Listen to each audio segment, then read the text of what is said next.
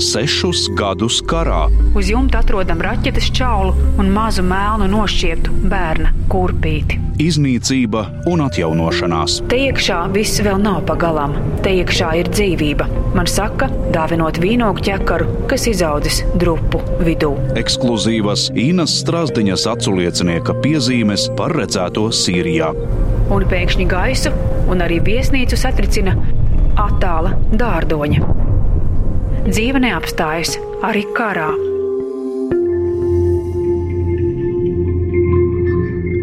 Trešais ieraksts Sīrijas dienas grāmatā Alepo pērkons.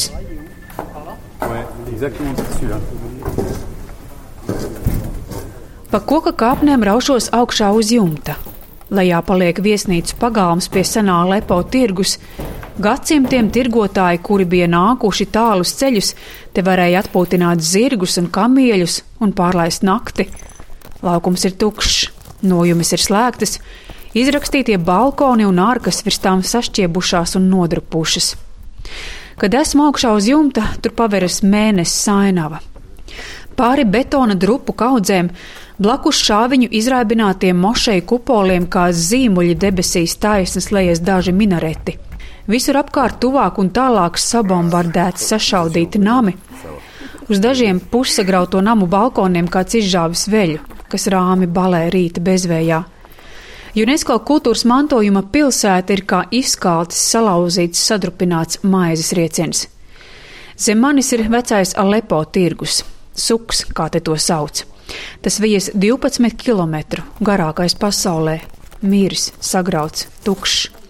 Tā bezgalīgi garās un savulaik greznās galerijas ir sagruvušas un ugunī un pelnos nokvēpušas melnas, bet arhitekti un eksperti, ar kuriem kopā rīta karstajā saulē stāv uz jumta, to pēta un cer atjaunot. Kā man vēlāk teiks kāds vietējais, mēs arī iepriekš esam redzējuši karu. Alepo ir grāvušas arī zemestrīces, bet tā kā ir tagad, nav bijis nekad. Uz jumta atrodam raķetes čaulu un mazu melnu nošķirtu bērna kurpīti.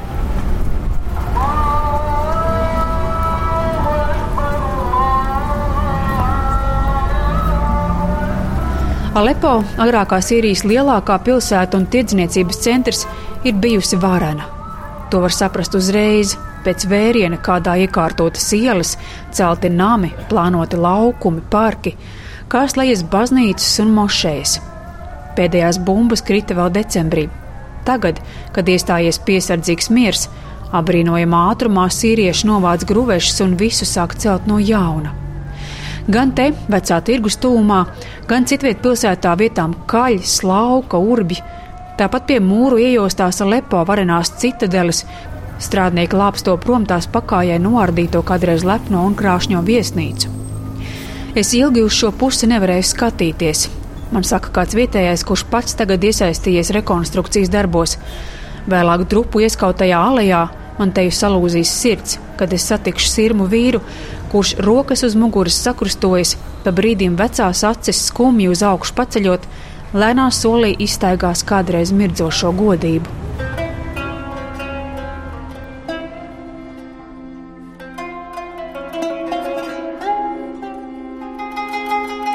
Alepo es dzirdu neskaitāmus stāstus par to, kā tas bija, kad sāka bombardēt Kā izējot pusdienlaikā no darba pēc maizes, nevarēja būt drošs, vai atgriezīsies, jo jebkurā brīdī var šaut, var nokrist raķete.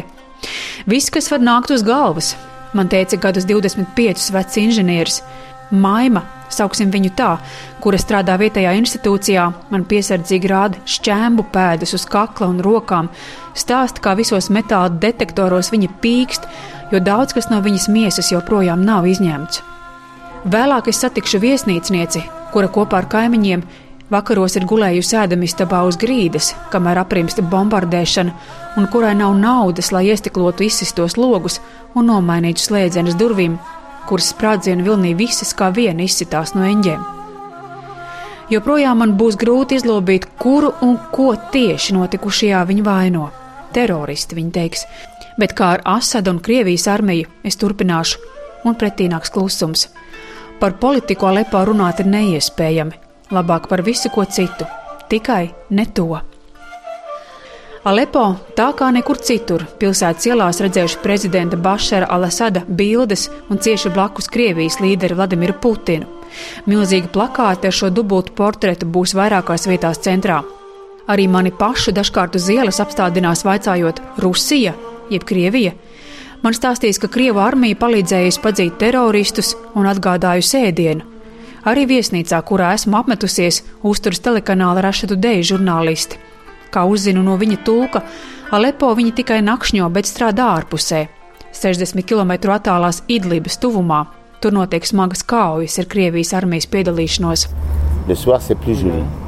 C'est, c'est plus frais avant tout. Il fait très chaud là, là, en bas. Il fait très chaud en bas. Et c'est plus frais. Oui. Il y a, il y a Alepo es dzīvoju viesnīcā ar nosaukumu Riga Palace Hotel. Un par šo unikālo vietu un tās saimnieku, kuram ir saiknes ar Latviju, būs arī garāks mans radiostāsts. Šī ir pagaidām vienīgā viesnīca pilsētā, kas pēc sīvajiem kara gadiem Alepo ir atvērusi durvis.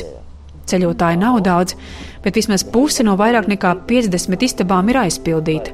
Dzīve neapstājas arī karā.